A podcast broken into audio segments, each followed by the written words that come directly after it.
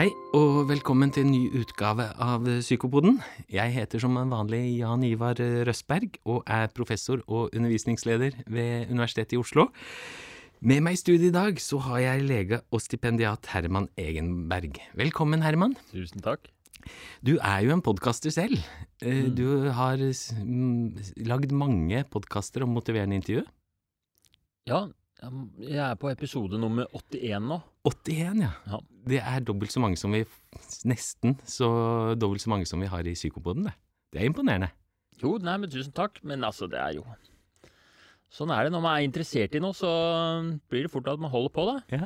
Og, ja, og det du har vært eh, mest interessert i, er jo motiverende intervju, som vi skal ha som tema her i dag. Der er det jo du blitt en stor ekspert. ja, Jeg veit ikke om jeg vil si om jeg har blitt en stor ekspert, men eh, jeg har i hvert fall em, Jeg har i hvert fall vært skikkelig nybegynner. Og så jeg eh, Så tror jeg jeg har blitt bedre, da. Kan ikke du jeg kan fortelle litt om disse? fordi de, dette er, Først var det vel via Helsedirektoratet du hadde disse podkastene med motiverende intervju? Eller? Nei, nei, Nei? Det, var, det, er, det er en annen rekkefølge. Så Ja. det som var eh, historien til at jeg begynte med Altså, jeg gikk på Universitetet i Oslo Ja. på medisinstudiet og lærte å motivere en intervju for første gang der. Ja. Husker ikke hvilket semester, om det var Men det var sånn cirka midt i studiet. Det var sikkert i psykiatri-rusmodulen. Jeg tror til og med det var før. Ok, da.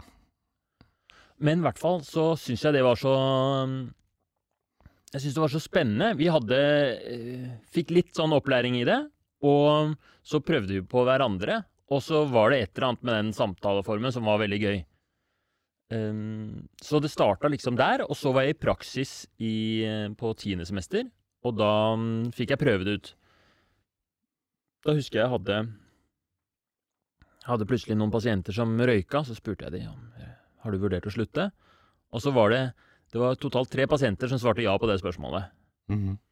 i løpet av de seks ukene. Og da hadde jeg motiverende, kalte jeg det inn til et motiverende intervju. Så gøy. Det er nettopp det vi skal snakke om. Motiverende intervju, og litt sånn basic. Hva, hva er motiverende intervju?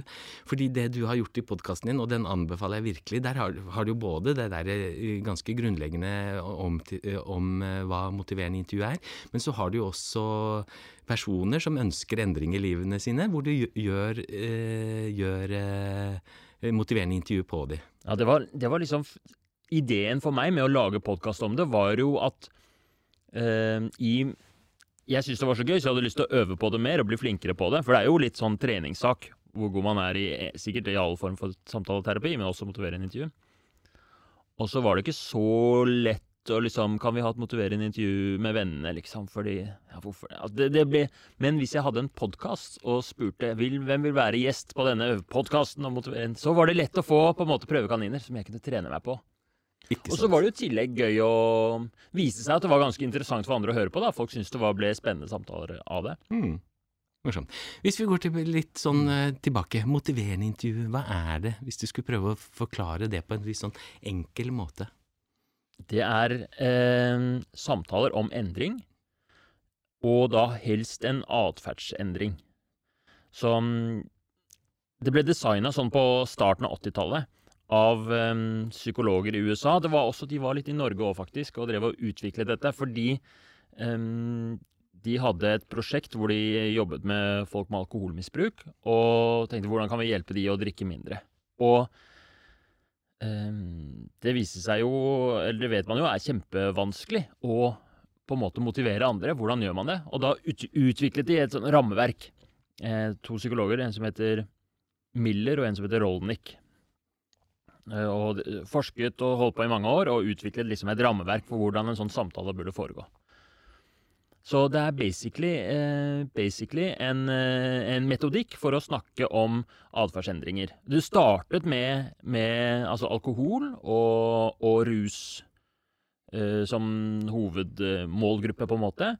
Men så har det jo vist seg at det er en ganske godt egna metode å snakke om andre ting òg, som har med atferdsendringer, f.eks. vektnedgang eller eh, f.eks. Eh, trening, kosthold, medisin, etterlevelse. Og mm, det er, altså man kan du du, ja, snak, snakker om livsstilsendringer. Livsstils, At- ja. alle mulige levevaneendringer, da. Og veldig mange kommer jo til fastlegen sin da og ønsker, ønsker kanskje lite grann en livsstilsendring. Ikke sant? Eller eh, kanskje det hadde vært lurt for dem. De tenker at de er noe de beundrer, men så mangler de kanskje litt motivasjon, eller helt, eller hva, hva tenker du? Ja, fordi det er jo den store eh, Altså, de som kommer til fastlegen, er jo veldig forskjellige. Og noen noen få kommer jo og 'Hei, jeg vil gjerne slutte å røyke, kan du hjelpe meg?' Men det er jo de aller, aller færreste. Mm. Og så er det noen som, sånn som de jeg møtte da jeg var i praksis som student, som, eh, som røyker, og så spør jeg har du vurdert å slutte, og så sier de nei, det har jeg overhodet ikke vurdert. Ikke sant? Og så er det noen som er sånn ja, jeg har tenkt på å slutte, men jeg vet ikke helt. Mm. Og som er litt sånn eh, ambivalente. Mm. Og der egner seg veldig godt med motiverende intervju. Når de er ambivalente. Kanskje jeg, jeg burde slutte å røyke, men Ja. jeg er ikke helt interessert i det, liksom. Er det der? der, der. For, fortell litt mer om det. Altså, fordi- De som er ambivalente. Ja, det er, det er kanskje Fordi motiverende intervjunavnet er litt Jeg syns det er litt misvisende. Det syns jeg jo, altså. Er du ikke enig? Jo, jeg, det, er jo, det er jo ikke et intervju, det er mer samtale. Det er, et, eh, det er mer en samtale. Så, men også motiverende, intervju, nei, motiverende samtale også. Men Ja. det er ikke egentlig når, når, høres, når du hører motiverende samtale, så tenker du at legen skal sitte og motivere pasienten. Mm. Og det gir liksom litt assosiasjoner til at man skal drive og bli presset eller pushet. Men det blir man ikke i det hele tatt. Det er mer en slags eh, kartlegging av motivasjonen. Dette må, du, dette må du utdype. For det, det, vi, det vi alle lærer på studiet, i hvert fall, er hvis du Hallo, nå må du slutte å røyke, det er ikke bra for deg. Det Mm. funker ikke i det hele tatt ofte. Ikke sant? Og så gjør du da med motiverende samtale, motiverende intervju, da gjør du et eller annet annet. Hva Mm. er det du gjør, Herman? Altså hovedskiftet fra det som fordi det er jo som lege, når du møter en pasient som eh, sier 'jeg har vurdert å slutte å røyke, kan du hjelpe meg?' Så det første du liksom får lyst til å gjøre, er å eh, argumentere for hvorfor de burde slutte. Dårligere kondis, koster penger, Ja, ikke sant? Og begynne å si Eh, sykdommer. Vet du, vet du hvor mye kols du kan få, liksom? Mm. Og den andre tingen du får veldig lyst til å gjøre, som virker veldig intuitivt, er å gi gode råd til hvordan du kan gå fram. Mm. Si sånn, det du burde gjøre, er å laste ned slutta-appen. Mm. Og så burde du begynne å istedenfor å røyke med høyre hånda, røyke med venstre hånda. Og Mm. så burde du eh, sette en sluttedato da og da. Og det er jo veldig velment og kommer fra et eh, godt sted, men det viser seg at det virker ikke. Jeg har et sånt eksempel på liksom man, Det som ofte kommer ut, er sånn 'du må jo bare'. Ja, Om ikke du kanskje sa det i stad, så Ja. var det i hvert fall eh, 'du må jo bare laste ned sluttappen'. ikke sant? Eller du må Eller- bare gjøre noe annet når du Ja. får trangen, eller et eller annet sånt. Eller du har en overvektig pasient, så 'du må jo bare spise mer grønnsaker'. Mm. Du må jo bare komme deg på trening. Du trenger bare å gjøre det én gang i uka, Mm. så er du i start, liksom. Mm. Er, man har så lyst til å Mm. si det. Men det man signaliserer når man sier 'du må jo bare', er Hvis vi bryter ned hele den setningen, så er det for det første du. At eh, når du sier du, så legger du litt sånn, eh, sånn fokus rett over på pasienten. Skyver alt ansvaret over på den. Og det føles ofte litt sånn ubehagelig, invaderende, konfronterende. Det er litt vel Det er, det er ubehagelig for folk å høre det. Mm. Må Du sier jo at pasienten ikke har noe valg, så på en måte antyder du at eh, pasienten ikke har noe autonomi i dette i det hele tatt. Mm. Og jo, du antyder med det ordet at eh, det her er jo åpenbart. Du burde skjønt det allerede. Du er litt dum som ikke har skjønt det allerede. Og bare vi sier at det er enkelt, Ja. undervurderer eh, endringene og får pasienten kanskje til å føle seg litt sånn eh, dårlig siden den ikke har klart det Ja, allerede. ja. Så ved å si 'du må jo bare', så er det liksom Det føles veldig bra å gjøre det, fordi du tenker 'nå gir jeg et godt råd', Mm. men det er ikke hensiktsmessig. Ødelegger relasjonen litt, og hjelper ikke til å skape, skape Jeg tenker det gjør det motsatte, ja. At det skaper litt motstand, kanskje. Skaper At motstand. dette skal jeg i hvert fall ikke, eller Ja. et eller annet sånt. Du tar fra pasienten Ja. muligheten til å ta det valget selv, Ja, ja. eller komme på det Ja, ja, rådet selv, eller liksom ta eierskap over sin egen Ja. endring. Og det her, her motiverende samtale gjør noe annet. Ja. Hva ville du gjort da, hvis noen kom opp til deg for å slutte å røyke? Så det som jeg tenker er mitt mål i en motiverende samtale, det er ikke å påvirke pasienten, ikke å motivere egentlig, Mm. Selv om det ofte er resultatet, men det jeg prøver er å utforske hva er det som er grunnene til at uh, pasienten røyker eller ikke røyker. Mm. Hva er uh, de, deres um, eh, argumenter for og imot, og, he, og liksom å utforske. Så det er to ting jeg vil. Jeg vil utforske, og så vil jeg at de skal snakke mest mulig. Ja. Jeg vil, Hvordan er det du utforsker? Hvis du skal eh, vi har fire Ja. basic eh, kommunikasjonsferdigheter, som er liksom eh, kjernen i motiverende intervju. Og det, er, det her er jo kommunikasjonsferdigheter som er nyttige i alle former for ø, samtaler. I anamneseopptak når du skal undersøke en pasient, også i kognitiv terapi. Og, men, men i hvert fall i motiverende intervju også, så legges det 100% vekt på de her. Det første er åpne spørsmål. At jeg stiller deg ehm, spørsmål som 'hvorfor røyker du?' Mm. eller 'hva har du lyst til?' Hvorfor, hvorfor eh, går du ikke ned i vekt? Vil du ta tatt det? Hvor, Ja, eller- eller, ja. Hvorfor er det viktig for deg å gå ned i vekt? Hvorfor er det viktig for deg å gå ned i vekt? Mm. Og mm, det er sånn de Hvis vi går hvis vi har, altså Åpne spørsmål er én av fire Mhm. hovedferdigheter. Mm. Og de fire vanligste åpne spørsmålene, eller de spørsmålene som jeg stiller i hvert eneste motiverende intervju, Mhm. det er hva er fordelene for deg med å fortsette sånn som nå? Om det er eksempel å snuse, da. ikke sant? Hva er fordelen med å fortsette å snuse? Hva er ulempene med å fortsette å snuse? Og hvis du skulle gjort en endring, hva ville vært fordelene med det? Og hva ville vært ulempene med det? Det Så da de- det spør du liksom alle de forskjellige argumentene. Ja, og det er de fire spørsmålene du sta, sta, åpne spørsmålene du starter med. Ja. Mm. Men det er egentlig hele intervjuet, nesten. Ja, men, men da kommer eh, dette her med endringssnakken. Ja. Eh, hva, er det for noe? For det er et sånt helt kjernepunkt også ved motiverende intervju. Mm. Ja, Så det jeg vil, er at pasienten snakker mest mulig om den endringen. Så når jeg stiller de fire spørsmålene, så kommer de til å si fordelene for meg med å, å røyke er at jeg syns det smaker godt, eller at jeg syns eh, det er en god vane som jeg forbinder med kos, eller et eller annet, hva som helst. Mens ulempene er at eh, jeg får røykoste. Mm. Fordelene med å slutte hadde vært at jeg hadde fått uh, mer cash til overs, og ulempene hadde vært at jeg hadde blitt uh, skikkelig sur i lang, lang tid. Mm. Og jeg vet ikke hvor lenge det varer. Mm. etter han satt sånt noe. Og det her er jo det som er ambivalens, ikke sant? Det er motstridende argumenter og tanker og holdninger til en eller annen ting. Ja, så prøver dere å skape en ambivalens da, i intervjuet, på en måte? Ja, ambivalensen er der fra før, Ja, så jeg prøver å få den fram. ja riktig. Jeg prøver å få den fram. Fordi hvis en person har et eller annet den vil gjøre, og det gjelder alle dere som hører på, at hvis du har et eller annet som du føler sånn ah, jeg får det ikke til, så er det fordi du er ambivalent i det. Da er det et eller annet der, og det er ikke sikkert man er bevisst på det sjøl. Men når de snakker om det, så blir det ofte så får de sånn aha-opplevelse at å, søren òg, det er derfor jeg ikke, jeg ikke gjør det. Jeg hadde en samtale med en som kom til intervjuet. Hun hadde lyst til å, øh, å tegne mer. Hun ville gjerne, hun var så elsket å tegne, hadde tegna hele barndommen.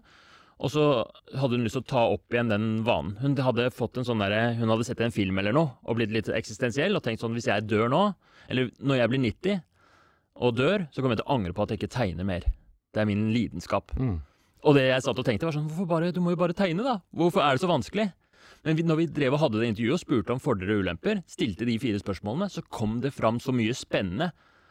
For eksempel så hadde hun hele tiden da hun var ung, blitt litt sånn hauset opp fordi hun var så flink til å tegne, og blitt fortalt du er kjempeflink. Og det hadde dannet seg en litt sånn derre perfeksjonisme, en sånn litt sånn identitet, at hun var den som var flink til å tegne. Så når hun satte seg ned for å tegne, så ble det veldig ubehagelig.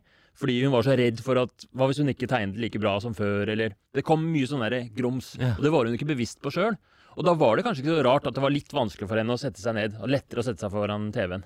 I tillegg til at hun kom også fram til at oi, shit, jeg har jo ikke en uh, tegnepult, Mm. og tegneblyanten mine er gamle.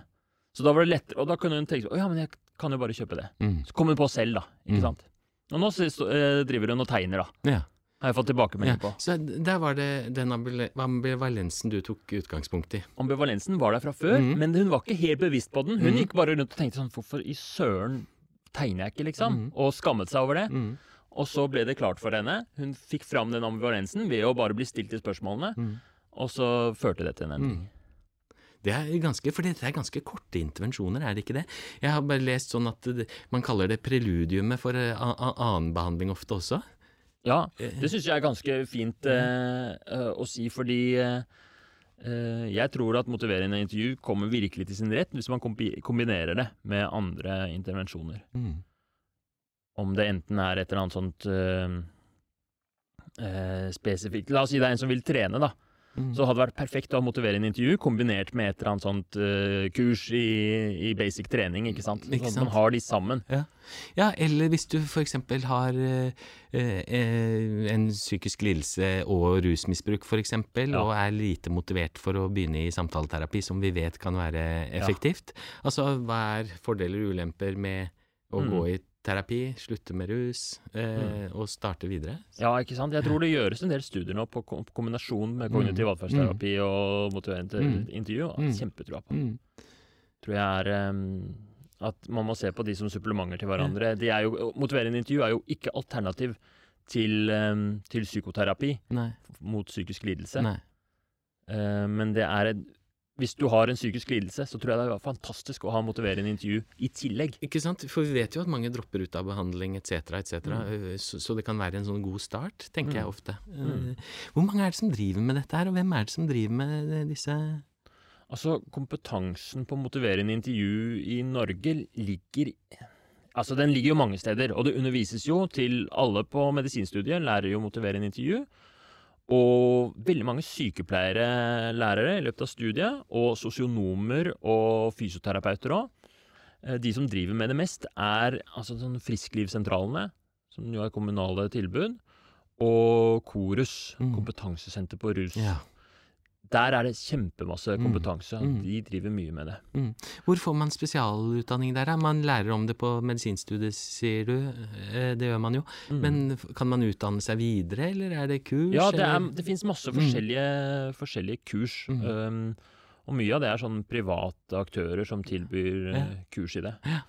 Og, mm, og Helsedirektoratet driver jo også og lager mye materiell og sånt. Og der har jeg vært med å lage et sånt uh, kurs på podkast som man Mm. kan høre på. Ja, ja det, det har jeg sett på. Det er virkelig bra. Det er fra Helsedirektoratet, eh, syns jeg. Så det anbefales faktisk. Men jeg vil tilbake til motiverende samtale, motiverende intervju. Ja. Mm. Eh, vi var innom endringssnakk, som er en del sånn, litt sånn kjerne, som vi sa. Eh, hva, Mm. hva er det for noe? Kan ikke du prøve å gi et bilde av hva det er? Endringssnakk er basically at pasienten snakker om endringen. Mm. Så mm, eh, Så lenge Altså Hvis jeg sitter og, som lege sitter og prater om at hvis du røyker, så får du kols, og pasienten sier OK, da er det ikke noe endringssnakk. Mm. Men hvis pasienten sier eh, Nei, en ulempe for meg med å fortsette å røyke, det er jo det at jeg har ikke lyst til å få kols. Det er endringssnakk. Det er alle Så lenge skravla går på andre siden, liksom, Mhm. og det kommer argumenter for eller mot, Mhm. så lenge samtalen konsentrerer seg om temaet, så er det endringssnakk. Og når man eh, når man bedømmer en motiverende intervjusamtale, om den er bra eller ikke, så kan man egentlig bare sitte med en stoppeklokke, og så kan man måle tiden hvor pasienten prater om endringen sin. Mhm. Og det, det er sånn veldig enkelt, da. Men uh, da har du 70 av eh, det viktigste, liksom. Ja, Så det er det som liksom er mekanismen for endringen i det. Og jo mer Jeg ser for meg at, at, eh, at pasienten er en sånn der, et tannhjul, mm. og så går det liksom Snakket går fra inni hjernen og ut, og idet snakket går ut, så vrir det tannhjulet, motivasjonstannhjulet på seg. Mm.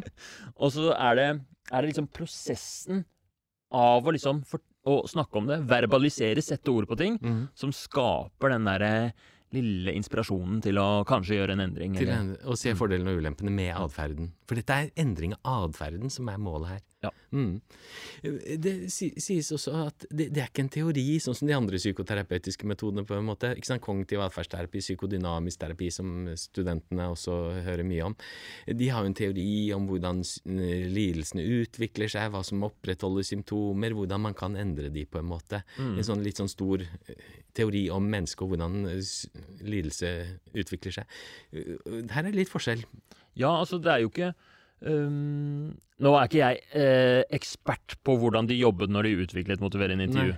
Men eh, fokuset var jo bare å, å finne, finne metoder som virka. Mm. At man starta litt i den enden. Hvordan skal vi snakke med disse alkoholikerne? Rett og slett praktisk. Ja, praktisk, endrer mest? pragmatisk tilnærming. Ja. Men når eh, det du ender opp med, er at den beste måten å snakke med folk om endring, er å fremme endringssnakk, utforske ambivalens, så blir det jo da åpenbart at du Altså, det dannes jo Man får jo en teori, da, om at eh, motivasjon er eh, et produkt av av eh, en persons ambivalens. Hvis det er mye Mm. Mm. ambivalens, så er det Mm. lite motivasjon. Mm. Og så er det jo også, deler man det litt inn. Altså man har to, to viktige fokus i et motiverende intervju. Det ene er på viktighet. Mm. Så når jeg stiller de spørsmålene hva er fordelene og ulempene med å røyke eller trene Mm. mer, så får man jo fram eh, om dette er viktig eller ikke for pasienten. Mm. Og noen ganger så, så er det ofte kjempeviktig, men de er ikke helt motivert til å gjøre noen endringer Nei. allikevel. Hva kommer det av? Jo, fordi de har lav mestringstillit. Ja. Så de viktighet og mestringstillit er liksom to sånne eh, veldig viktige begreper, da. Så det er Så Ja, det er ikke bygget på en teori, men det blir jo liksom Når man ser hva som funker og hva som ikke funker, så er det jo veldig å, liksom, nærliggende å trekke tråder til Ja, hva ikke sant? Ja, for det var interessant. Du, du sa det der med mestringstillit. De, de vil, væ- eh, vil veldig gjerne endre atferden. For eksempel å slutte å drikke alkohol. Ja. Og så har de den der litt svake mestringsstillheten. De tror ikke at de, de klarer å få det til. Jeg syns det er noe av det vanligste. Ja. Ja, at det er, ja, det, som, det er der det skorter. På mestringsstillheten. På Dette, dette syns jeg er så vanskelig. Jeg klarer ikke dette. Hvordan går du frem da?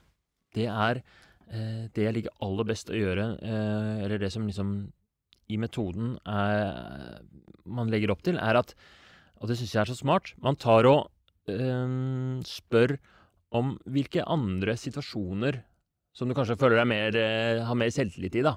Um, har du gjort en eller annen endring og har lykkes med det? Jeg hadde nå en røykesluttsamtale her for, i forrige uke. Og han hadde veldig lav tro på at han kunne få det til. Og han begynte å snakke seg ned. ikke sant? 'Jeg er jo så lat, og Mm. jeg får ikke til sånne ting', og sånt Mm. noe. Og så spurte jeg ja, men nå må vi prøve å bygge deg opp litt her. Hva, hva, har du en eller annen, hva som helst liksom, hvor du har fått til en endring? Jo, Mm. vi lagde nytt garderobeskap. Ok, fortell om det. Hvordan gjorde du det? Hva var vanskelig med det? Bla, bla, bla. Går du litt i detaljer her? Ja, man må inn i detaljene. Jeg er veldig glad i detaljer. At jeg trenger ikke å dekke over. De trenger ikke å få ut alt som er i hjernen, men når vi kommer fram til noe som virker litt spennende, hvor det er litt følelser eller noe, så går vi inn i detaljene på det. Mm. At jeg heller tenker at jeg skal finne, liksom, gå i dybden på få ting, Mm. enn å Mm. dekke over alt. Men det som var med det garderobeskapet, er at da gikk han gjennom Ja, det vi gjorde for å få til det, var at eh, kona mi hjalp meg litt med å, å, å konkretisere hva det var som var viktig å gjøre. Mm. Og så mm, øh, tok vi og fikk inn noen håndverkere til å plassbygge det garderobeskapet, sånn, fordi vi har skråtak, og det var det som gjorde det så vanskelig. Mm. Og hvordan føltes det? Hvilke lærdom kan du trekke ut av det til røykeslutt, da, spurte jeg. Og så var, tenkte han litt, og bare ja, det kanskje jeg må eh, Kanskje jeg må få litt hjelp av samboeren med å konkretisere og ta ett steg av gangen. Mm. Og kanskje jeg burde søke litt ekspertise. Og da, bare ved å liksom gå gjennom den historien og trekke lærdom og sånt nå, Mm. og i og med at dette var noe han hadde fått til, så skrudde han liksom litt opp sin Mm. mestringstillit, da. Mm. Mm. Og jeg bare merka at motivasjonen økte. Og, og motivasjonen for å slutte å røyke. Ja. Fikk du også over på det sporet da? Det kjennes sånn ut. Det, det er veldig morsomt å høre på. Mm. Eh, ja, for eh, vi snakket om endringssnakk, og så, så har vi sånn der vedlikeholdssnakk også. Hvordan forholder du deg til det? Altså sånn, sånn, hva som vedlikeholder problemene, er jo også et sånt begrep i motiverende intervju. Ja, fordi der er jeg litt uenig, eller det er i hvert fall litt uenighet. Ja, men det er bra. Vær uenig. Fordi eh, det er noen som mener at eh, vi må prøve å fremme mest mulig sånn positiv endringssnakk. Ja, ja, ja. Mest, altså Vi skal konsentrere oss mest om de grunnene til at pasienten har lyst til å slutte å røyke, og ikke bruke så mye tid på eh, status quo-snakk eller vedlikeholdssnakk eller hva man kaller det. At eh, De argumentene mot, da. Ehm, men det synes, for det første så syns jeg det blir litt vanskelig, og så er det litt sånn Jeg har ikke lyst til å eh, styre pasienten for mye. Så jeg, jeg har i hvert fall gjort det enkelt for meg selv tenkt at all endringssnakk er bra. Og det syns jeg jeg opplever også i samtalen, at ofte kan man bli litt motivert. Sånn som hun med tegningen. Når hun tenkte på alle de grunnene til at hun ikke tegna, når det kom fram i lyset, så ble de mye lettere å håndtere. Mm. Så ved å snakke om at eh, hun kjente på en slags sånn skam bare hun tok fram tegneboka, så gjorde det lettere for henne å, å håndtere det. Ja, men ikke sant? Ja, for når de kommer til deg, eller de kommer til fastlegen sin, eller om de kommer til en friskle, eh, friskvernsekspert eller eh, frisklivsekspert, eh, så, så har du jo en eller annen sånn håp om noe endring i utgangspunktet, ikke sant? Og så er det da eh, ja, ja, men vi, vi mennesker jo endrer oss hele tiden også. Vi, vi tar jo valg hele tiden, så hva, hva, hva, er forskjellen på en måte? Når de, når de kommer til deg, så vil de jo endre, men de får det ikke helt til. Mm. Skjønner du hvor jeg vil Ja. nå? Så, så, så er det det, da sitter jeg og lurer på, er det det da at de får sagt det høyt, istedenfor å bare ha det, ha det inni seg, på en Ja. måte? At det blir så mye mer virkelig når, jeg har fortalt til en annen person Ja. at jeg vil endre meg? Er, Det skjer noe der, og det er altså eh, Ambivalensen inni hodet Den funker, eneste den gjør, er å bremse deg og få deg til å gjøre akkurat det samme igjen Det blir litt grubling, det. Skal Det blir bare ja, grubling, Ja, ja. og den er ikke noe sånn Det er bare, det er bare kaos. Det er bare rot. Du, Mm. ikke, du klarer ikke å holde en tanke, konsentrasjon om en sånn tilfeldig tanke. La Mm. oss si det kommer en liten um, tanke om at kanskje jeg skulle slutte å røyke. Mm. Hvor lenge varer den? Mm. Ett sekund, så har du begynt å tenke på fotballkampen i går. Mens du underholder en samtale med en annen person Mm. Eller ja, la oss si du hadde tenkt sette deg ned og, og skrive fordeler og ulemper med å røyke. da. Hvis du var så oppvakt, så hadde du kanskje brukt ti minutter, og så hadde du ikke giddet mer. Mm. Men når du har samtale med en annen person, Mm. så er det energi i den samtalen. Jeg sitter, og i tillegg til at jeg stiller spørsmål, så bekrefter jeg, jeg reflekterer, skaper god stemning, oppsummerer. Man kan holde på i timevis. Mm. Og Så det er det at det blir mye mer sånn volum, og du får mye mer Du får jobba mye mer, da. Og et annet sånn veldig viktig begrep for uh, motiverende intervju er denne endringssirkelen. Ja. Um, hvor du har hvor man, Det er en modell for hvordan endring skjer. Og det som er så viktig i den sirkelen, og som alle glemmer, eller som man på en måte ikke som, som er grunnen til at man ikke får gjort endring, det er at i en endringssirkel, eller i en endringsprosess, så har du en føroverveielsesperiode, hvor du driver og bare samler tankene litt og lurer på om dette er noe du skal gjøre. Så har du overveielse, hvor du liksom konkret driver og veier for og imot. Og så har du en planleggings... Eh, eller en sånn derre beslutningsperiode, jeg husker ikke akkurat hva de Mm. fasene eh, heter. Og så har du handling. Mm. At det er fire steg fra føreoverveielse til handling. Men det som ofte skjer hvis du bare tenker det i hodet, er at du får en liten tanke åh, kanskje jeg skulle slutte å røyke. Mm. Og så tenker du på handlingen. Ja, da kommer jeg til å det kommer jeg ikke til å klare pga. sånn og sånn, og så er du ferdig. Mm. Men du har ikke vært innom overveielse. Nei. Du har, brukt, du har liksom hoppet over steg, Ja. og derfor skjer ingenting. Nei. Så det som jeg ofte må gjøre med motiverende intervjupasientene, er å bremse de. At vi må Nei, vi skal fortsette. Vi skal overveie litt til. Ja. Vi skal ikke ta noen beslutning ennå. Ja. Og ok, vi kan ta en beslutning, men vi skal ikke begynne å gjøre det ennå. Ja. Vi må lage en plan. Ja. Ja, gjør du det sånn i praksis? Altså sånn, fordi hvis jeg da hadde kommet og sagt Herman, jeg vil slutte å snuse. Ikke sant? Da har jo jeg på en måte tatt en beslutning. Da sier du hør, hør her, nå må vi se litt på dette. Hør her nå, Jan Ivar. Ja. Nå må vi roe oss tre hakk ned. Ikke sant? Og viser du meg, Vil du da vist meg den sirkelen, på en måte? Den Ja. eh, endringssirkelen? Sånn lett psykoedukativt, sånn at jeg forsto hvordan dette Ja, jeg kan godt vise endringssirkelen. Det er, tror jeg er fint å gjøre. Mm. Og også, jeg har sånn bare sånn lite fordi i disse motiverende intervjuene, samtalene, så blir ofte pasienten veldig motivert, og så er de klare til å sette i gang. De får litt overtenning. Og motivasjon er ganske ferskvare. Ja. Um, I morgen tidlig så kommer den til å være et helt annet sted enn den er akkurat nå. Så ofte så har jeg en sånn, der, sånn huskeregel. Halver pasientens ambisjon. Ja. Så hvis de er sånn nei, jeg skal Ja. slutte i morgen, dette går helt fint, så tar vi heller og tar sånn ja, vi tar en samtale til først, men kan du til neste gang tenke litt på forskjellige eh, Hvem du vil snakke med om det? Har du noen eh, elementer ved planen som vi har, ha Mm. sånn at vi kan ta det litt mer gradvis? Ja, for ikke sant, det har jeg også lagt merke til. Motivasjonen går jo fra 100 til 1, altså, og det Mm. kan variere veldig Ja. det, det, er, det er ikke noe status quo, det. Ja. Nei. Motivasjon er jo sånn Ja. Det er jo litt rart hvis du spør en som øh, ha, Som ikke Eller som trener masse, da. Mm. Så er jo ikke han sånn kjempemotivert til å trene masse. Han bare gjør det fordi det føles riktig, og det er enkelt. Mm.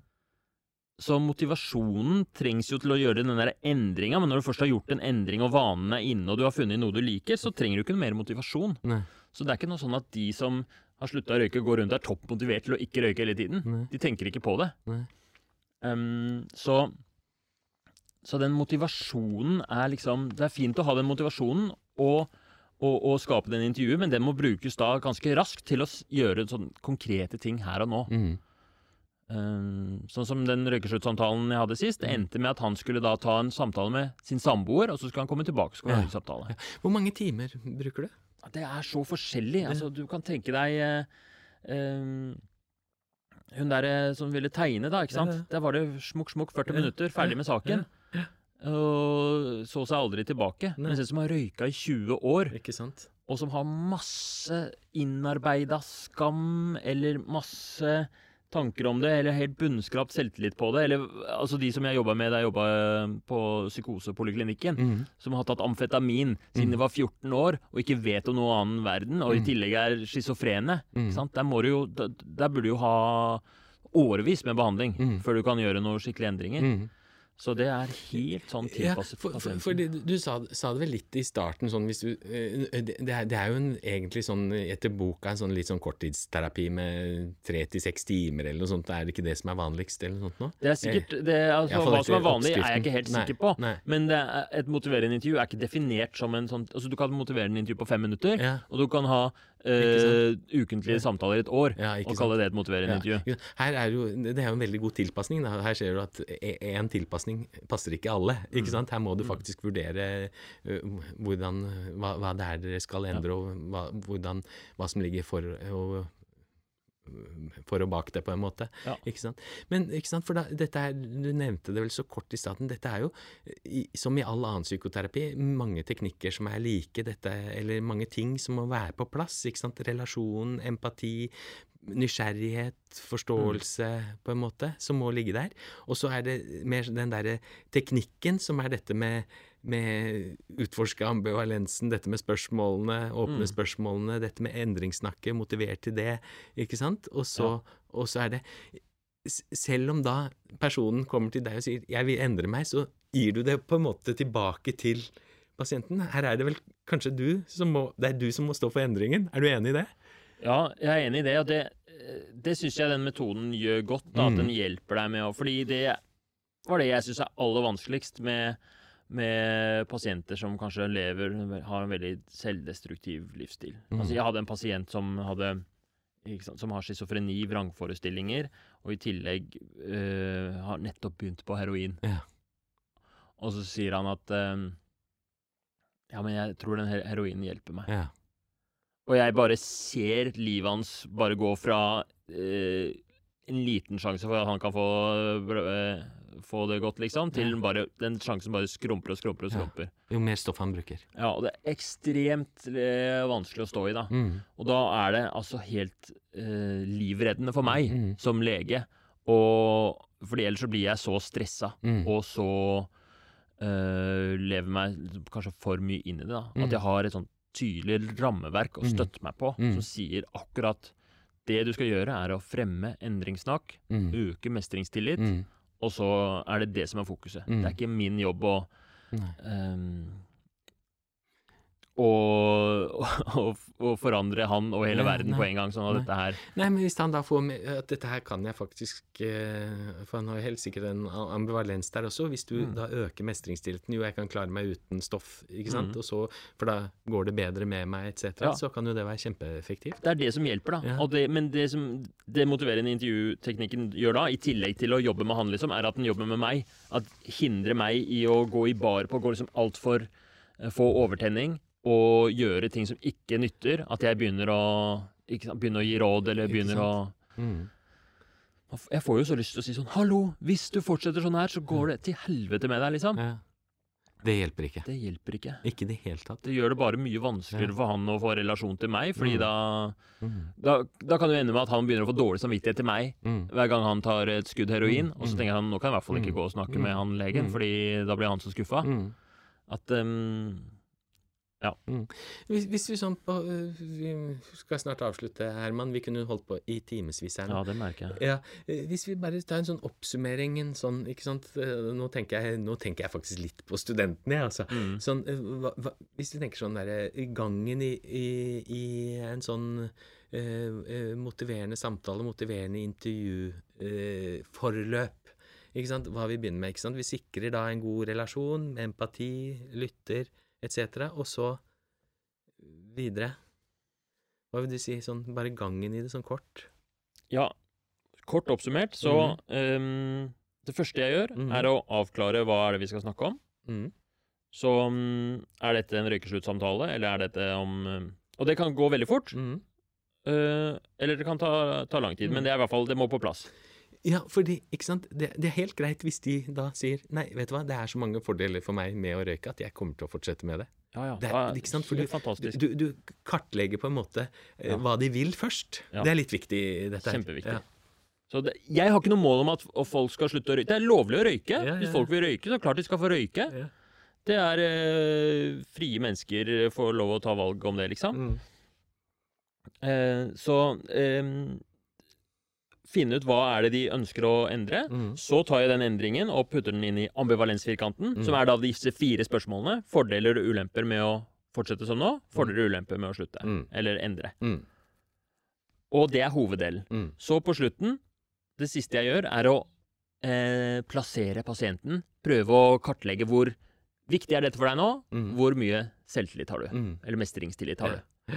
Og det er det motiverende intervjuet. Da har jeg kartlagt, og da er jeg fornøyd. Ja.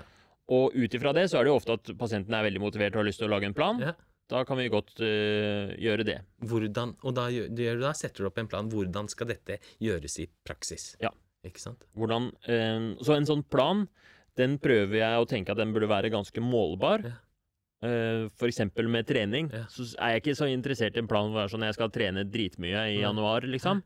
Men jeg vil gjerne liksom Hvor mye trening er du fornøyd med? Hva er egentlig det konkrete, målbare målet? Hvordan kan jeg liksom, hvis jeg snakker med deg om en uke, vite om du har gjort eh, fulgt planen din eller ikke? Og så skal den være tidsbestemt. Mm. Så at det er veldig fint hvis det er sånn fram til neste samtale, Mm. eller eh, den neste måneden skal jeg få til Mm. tre treningsøkter. Og så skal den være realistisk, og der kommer det inn det jeg sa i stad, halvere pasientens ambisjon. Så da tar jeg bare, hvis de sier skal trene fire ganger, to ganger. Mm. Bam! Mm. Det, det er jo litt interessant, for jeg så når jeg har lest om motiverende intervju, så bruker de også disse, det smart-begrepet. Altså spesifikt, målbart, tidsbegrenset, oppnåelig og, Mm. og realistisk. Ja. Ikke sant? Så, så det kan man lese mer om. Det er Ja. lurt å ha, ha Mm. med. Er det noe mer du vil si om motiverende intervju? Og det, det jeg lurer er litt på, er hvor, hvor mange bruk, av fastlegene bruker det? Hvor mange eh, Tenker du at Jeg tenker dette er jo en sånn effektiv og godt dokumentert behandlingsmetode. Spesielt ved rus, endringer av livsstilsproblemer ja, og, og sånne ting. Eh, Men bruke, blir det brukt i praktisk? For det er jo et av problemene i psykisk helsevelte, tenker jeg. At det, det vi vet virker, det brukes ikke så ofte. Ja, altså, ja, det brukes mer og mer. Mm. Og eh, av de fra mitt kull Ja. som har blitt fastlege, så får jeg stadig vekk meldinger. 'Nå brukte jeg motiverende ja, intervju'. Det, og det som er gjennomgående, er at de som faktisk prøver seg med det, og For det er jo litt eh, Litt skummelt kanskje å bruke en ny metode, men de som setter i gang og gjør det, de har det altså så gøy med det. Ja. Det er veldig gøy for legen å drive motiverende intervju. Man får, eh, det er så mye gøyere å være den personen som på en måte eh, lar pasienten eh, hause seg selv opp, enn enn å stå og være sånn som skal dra pasienten med seg. Ja. Det er mye tyngre jobb. Ja, det tenker jeg også. At det gjør, gjør den fastlegerollen mye litt lettere også. Mm. Ikke, ikke den derre konteinervirksomheten hele tiden også. Ja. Og så er det veldig gøy å ha det som et sånt verktøy som du kan Mm. trekke fram. Mm. Og um, altså når du lærer å motivere en intervju, så lærer du i stor grad de der kommunikasjonsferdighetene. De jeg, det er de fire kommunikasjonsferdighetene. Ja, ja. Åpne spørsmål. Vi får ikke gått i detaljer på dem med en gang nå, Jan Ivar. Vi har ikke tid. Men det er åpne spørsmål, refleksjon, bekreftelse, oppsummering. Ja. Og de eh, ferdighetene der, hvis du lærer deg å beherske hver enkelt av de, så har du nytte av de i alle samtaler med alle pasienter, og også på privaten. Ikke sant? Og det er jo ikke noen dum idé. Det er ikke noen dum idé. Nei. Så, så det S- synes Som sagt, Herman, vi kunne holdt på en eh, Ja. to timer til, vet dere, tenker jeg. Altså. Du, tusen, tusen takk for at du delte din kunnskap. Veldig bra. Det var veldig gøy å være med. Du er så flink til å stille spørsmål, og du er så interessert. Takk, takk. Men, men hvis de har lyst til å lære seg mer eh, om, eh, om motiverende intervju, så eh, er det Hvor skal de gå inn og se skal de, ba, de kan bare google 'motiverende intervju'? Ja, jeg har noen konkrete tips. hvis du... Ja, gjør det. Fordi akkurat nå så har jeg lagt ut en ny episode som er en røykeslutt-episode. Hvor jeg har spilt inn det er, Fordi jeg har jo undervisning for medisinstudentene nå, Ja. så jeg har spilt inn denne episoden med tanke på de, hvor jeg kommer med sånne kommentarer underveis og på en måte bryter ned eh, metoden. Så jeg har et intervju, og så etterpå i studio har jeg spilt inn sånn 'Dette var en refleksjon, det gjorde jeg pga. sånn og sånn'. Ja. Så det er en den, Det er episode 81. Så da kan de gå, gå inn og se Ja. på den, hvor du da forklarer hva du gjør gjennom hele intervjuet. Ja, så det er hvis du vil lære mer. Ja. Hvis du har lyst til å høre liksom hvordan en mer sånn underholdende samtale med en veldig spennende fyr som var fryktelig langt nede, hvor motiverende intervju var med å dra han opp, så skal du høre episode 67 med Nikolai Torgersen. Eh, som er bare altså en så sterk historie. Ja. Så hvis du ikke er så interessert i å lære deg motiverende intervju, men vil vite litt mer om hvordan det er å, å høre på en sånn eksempelsamtale som er eh, veldig sterk. Ganske sånn mørk, da, men eh, så kan jeg anbefale episode 67. Ja. Kjempeflott. Da har studenter og andre fagfolk noe å lytte til eh, som ikke er psykopoden. Ja, jeg må jo lytte på Psykopoden nå, da. Eh, Må det. Og jeg, jeg har en eh, Psykopoden-episode å anbefale, med Anders Malkomsten, om eh, stoisisme. Fantastisk. Den er veldig bra. Det er min favorittepisode. Kjempeflott. Tusen takk, Herman. Vi høres. Og med meg i studio og bak spakene har vi som vanlig senioringeniør Morten Skoglund ved seksjon for medisinsk informatikk her ved Universitetet i Oslo.